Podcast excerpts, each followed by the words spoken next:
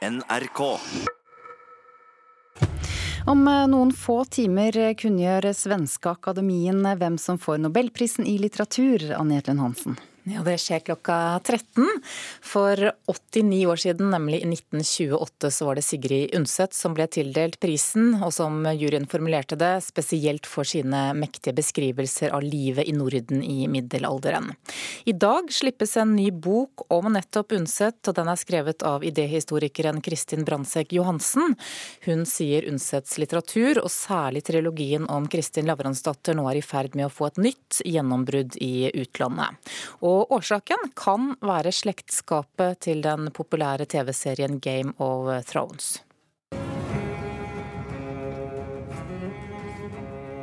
Kjente toner for de som har fulgt HBO-eposet Game of Thrones. Forfatter og idéhistoriker Kristin Brandtzæg Johansen mener den populære TV-serien har mye til felles med Sigrid Undset sin triologi om Kristin Lavransdatter. Det er kirkebranner, det er, eh, eh, det er troskap, det er tilståelser på dødsleie. det er lidenskap og det er ære og Alt står på spill. Da blir jo Kristin Lavransdatter og drage, The Dragon Queen, Deneris Targaryen, eh, beslektede heltinner. Og det er jo litt morsomt at de der bøkene som hun skrev da, nå for snart 100 år siden, og la handlingen liksom for 1000 år siden, at de på en måte treffer, treffer en sånn aktualitet igjen.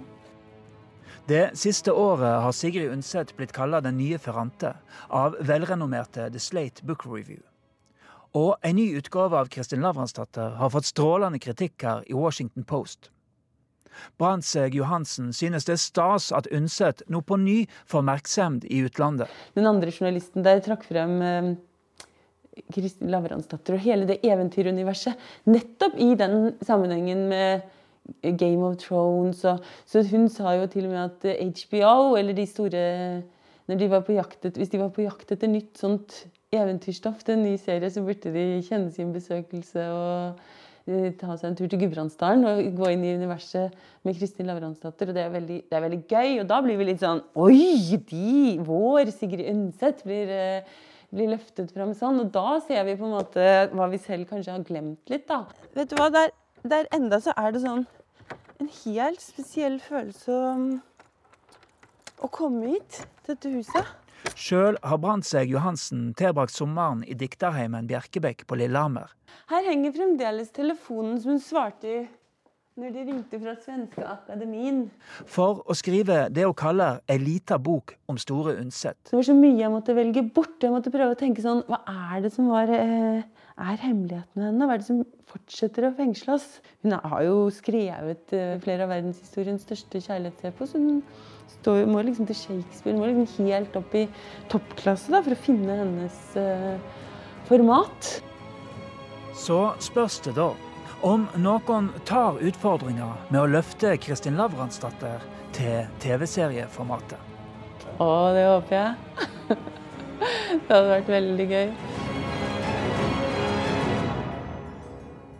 Reporter her, det var Arne Sørenes. Det er altså 89 år siden Sigrid Undset ble tildelt Nobels litteraturpris, og klokka 13 i dag så blir det klart hvem som får eh, Nobels litteraturpris eh, i år. I fjor så var det mange som ble overrasket da sekretær i Svenska Akademien, Sara Danius, kom ut av den hvite døra og avslørte prisvinneren. Nobelpriset i litteratur år 2016 tildeles Bob Dylan som skapat nya poetiska uttryck inom den stora amerikanska sångtradisjonen. Ja, litteraturanmelder her i NRK, Marta Norheim. Det ble jo en del debatt etter tildelingen i fjor. Hva tror du blir det mindre kontroversielt i år?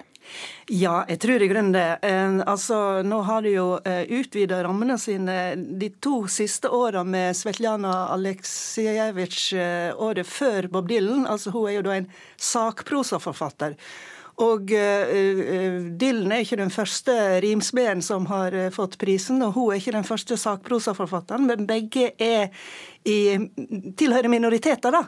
Så jeg vil tro at de går tilbake igjen til den mer sånn stødige skjønnlitterære hovedvegen, så å si. Men Vi hørte jo litteraturkritikere i fjor som sa at tildelingen til Dylan kommer kom til å bli et vendepunkt for denne prisen. Eh, hva tror du om det? Nei, det tror jeg ikke. Altså, det er jo litt generasjonsskifte uh, i den svenske akademien. Men, men, det vi kommer til å se, er kanskje at de utvider. Det har de gjort hele tida. De begynte med europeiske menn. Etter hvert så oppdager de kvinner og resten av kloden. Nå oppdager de andre sjangrer. Altså, det skjer hele tida sånne, sånne utvidinger, men det kommer ikke til å være noe sånn eh, dramatisk eh, linjeskifte eller noen sånne ting. Ok, men da lurer jeg på, Hvem tror du kommer til å vinne? ja, altså eh, det er jo vanskelig å, å, å, bestemme, for det er jo så mange å, å se på. Men altså en som jeg tenker litt eh, på nå, er jo Adonis, den syriske poeten. Han burde jo ha fått den for mange mange år siden. Han er nå godt over 80 og egentlig for gammel til å få prisen etter det jeg mener bør være eh, øvre grense. Samtidig så er han veldig vital og i full fart. og Han var eh, i Stavanger var det vel på kapittel nå i år og tøysa og tulla og var helt på merket. Sånn at det kan hende det er han. Eller altså Gugi Watyongo, kenyaneren som eh, som også er et veldig interessant eh, navn. Eh, det hadde vært morsomt om prisen hadde gått til eh, Asia eller Afrika, for de har ikke fått så mange priser som de fortjener. For det er fremdeles en, eh, en vestlig pris, i den forstand at det er Europa og USA som, som, eh, som får de fleste prisene. Og da selvsagt Europa først og fremst. Det er jo en da ikke helt ukjent japansk forfatter som ligger på topp på bettinglistene, har jeg sett. Ja, og der har han ligget i mange år. Så han er en veldig populær forfatter. Eh, det, eh, det, er ikke først og fremst det eh, svenske akademiene er ute etter. De er nokså strenge på kvalitet og, og skjeler nok ikke til bettinglister. Men hvis de syns at Murakami fortjener prisen, så får han prisen. Jeg tror ikke han får prisen, men vi vet jo aldri. Ok, men Hvilke kriterier er det da som ligger til grunn når svenske akademien skal bestemme seg? Ja, Det skal jo være høy kvalitet, og det skal være et, et forfatterskap og ikke ei enkelt bok. I Nobels testamente så står det at det skal være i idealisk riktning. Det er jo et fryktelig gåtefullt utsagn som, som, var egentlig helt naturlig i, i den tida da en tenkte at det, eh, å lese eh, idealisk litteratur, altså en, en litteratur som, som fremmer noen ideal, ville gjøre oss til bedre mennesker. Nå tror en kanskje ikke i samme grad at litteraturen skal spille den rollen, så, så det kriteriet er liksom ute. Men høy kvalitet er veldig viktig. Popularitet er ikke viktig. Altså, det er mer sånn at eh, Nobelprisen kan løfte fram forfattere som kan bli kjente, heller enn at de gir prisen til noen som allerede er kjente. Hvis du skjønner den vrien der. Mm. Det er jo veldig mange år siden eh, Norge har, eller en norsk forfatter har eh, fått en pris. Jon Fosse ligger høyt på lista til veddemålsselskapet Unibet, iallfall i år. Kan det bli hans tur, tror du? Ja, det kan bli hans tur nå. Det kan bli hans tur senere. Han er, eh, ville vært en fortjent vinner, og, og det hadde jo selvsagt vært fantastisk moro om prisen gikk til en nordmann og til Jon Fosse. Nå er jo Norge et lite land i verden, sånn at vi skal ikke sutre for mye over at vi ikke har fått priser siden 1928 men, eh, men eh, det er veldig kjekt hvis vi får. Ok, Klokka 13 så får vi svaret. Jeg regner med du er tilbake da, Marta Norheim. Takk for at du kom hit til Kulturnytt. Det skal handle om film. Blade Runner fra 1982 blir beskrevet som en av science fiction-sjangerens mest betydningsfulle og innflytelsesrike filmer. Og i dag så har oppfølgeren premiere. Den heter Blade Runner 2049 og er ifølge vår filmkritiker Birger Vestmo både mektig, majestetisk, storslagen og stilsikker. What do you want? I want to ask you some. Det skulle noe til å matche den originale Blade Runner i visualitet og originalitet. Regissør Denis Villeneuve har klart det. Blade Runner 2049 er mektig og majestetisk science fiction som forteller en historie der tanker, ideer og visjoner trumfer ekstern handling og action. Filmen er både storslagen og stilsikker, men samtidig overraskende nær og personlig. Akkurat som den første filmen diskuterer den hva det egentlig innebærer å være et menneske, og den kommenterer menneskehetens tilstand på en måte som ligger ukomfortabelt nær det som er reelt og sannferdig. Blade Runner 2049 er voksen sci-fi som maner til ettertanke, samtidig som den inviterer oss inn i et litt for sannsynlig fremtidsunivers som virker like besnærende og interessant som det er mørkt og dystopisk. You police plan on taking me in. I would much prefer that to the alternative.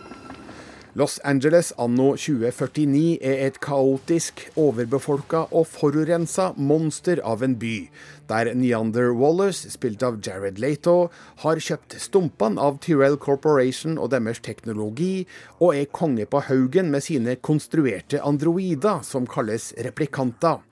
LAPD-offiseren Kay, spilt av Ryan Gosling, er en Blade Runner på jakt etter replikanter på rømmen, og snubler over en mørk hemmelighet mens han er ute på et oppdrag. For å få svar legger han ut på leiting etter Deckard, spilt av Harrison Ford, en tidligere Blade Runner som forsvant for 30 år siden. You're a cop. I had your job once.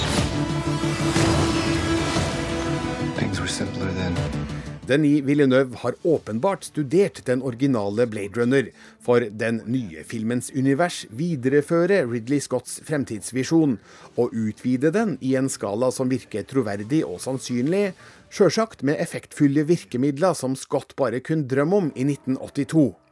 Kanskje skal man være glad for at Ridley Scott ikke fikk tid til å regissere Blade Runner 2049, og nøyd seg med å være en av produsentene. For sjøl om hans legendestatus er udiskutabel, er Denis Villeneuve en av verdens aller skarpeste filmskapere akkurat nå, med kvalitetsfilmer som 'Sicario' og 'Arrival' på merittlista. Han skuffer ikke nå heller, for å si det mildt. Blade Runner 2049 er mørk, mystisk og tankefull science fiction av aller ypperste kvalitet. I always told you, you're special. Blade Runner 2049 ble anmeldt av Birger Vestmo. Du kan lese en utvidet versjon av anmeldelsen på nettsidene våre nrk.no. Så skal vi til Stavanger og en TV-serie som er i ferd med å spilles inn der. Det er jo en helt sykt interessant historie som jeg tror veldig mange egentlig ikke vet så veldig mye om. Eh, og den er så rik, det er så utrolig Det rommer så mye. Ja, Det sier skuespiller Pia Tjelta. Hun snakker om TV-serien Lykkelandet, som har startet innspillingen i Stavanger i pøsende regnvær. Og dette er tidenes dyreste norske TV-serie, reporter Natalie Kristiansen. Ja, det stemmer. Serien har en prislapp på 96 millioner kroner, og det gjør den til tidenes dyreste norske TV-serie, ifølge Bergens Tidende. Og hva skal denne nye serien handle om? Handlingen i dramaserien er lagt til slutten av 60-tallet og spinner rundt fire unge mennesker som kastes inn i en virvelvind av endringer når tidenes oljefunn blir gjort på norsk sokkel. Og Regissør Petter Ness forteller at hvordan menneskene håndterte dette, både politisk og emosjonelt, skal komme tydelig fram i serien. Og I klippet så hørte vi at det var masse regn, og det sier Ness er akkurat det været de drømte om. Ok, men Betyr det at eh, hele TV-serien spilles inn i Stavanger? Nei, noe av TV-serien er allerede spilt inn i Oslo. Og senere skal det også spilles inn en scene fra Haugesund og fra oljeplattformer i Hordaland. Eh, og det skal også spilles inn noen dykkescener i utlandet. Men altså i hele oktober skal da TV-serien spilles inn i Stavanger. Ok, veldig kort til slutt. Hva har vært den dyreste norske TV-serien hittil? Det var Nobel, som var fjorårssuksess, fjorårets suksess, og den kosta 68 millioner kroner. Serien har altså premiere på NRK neste år. Takk for eh, orienteringen, reporter Natalie Kristiansen.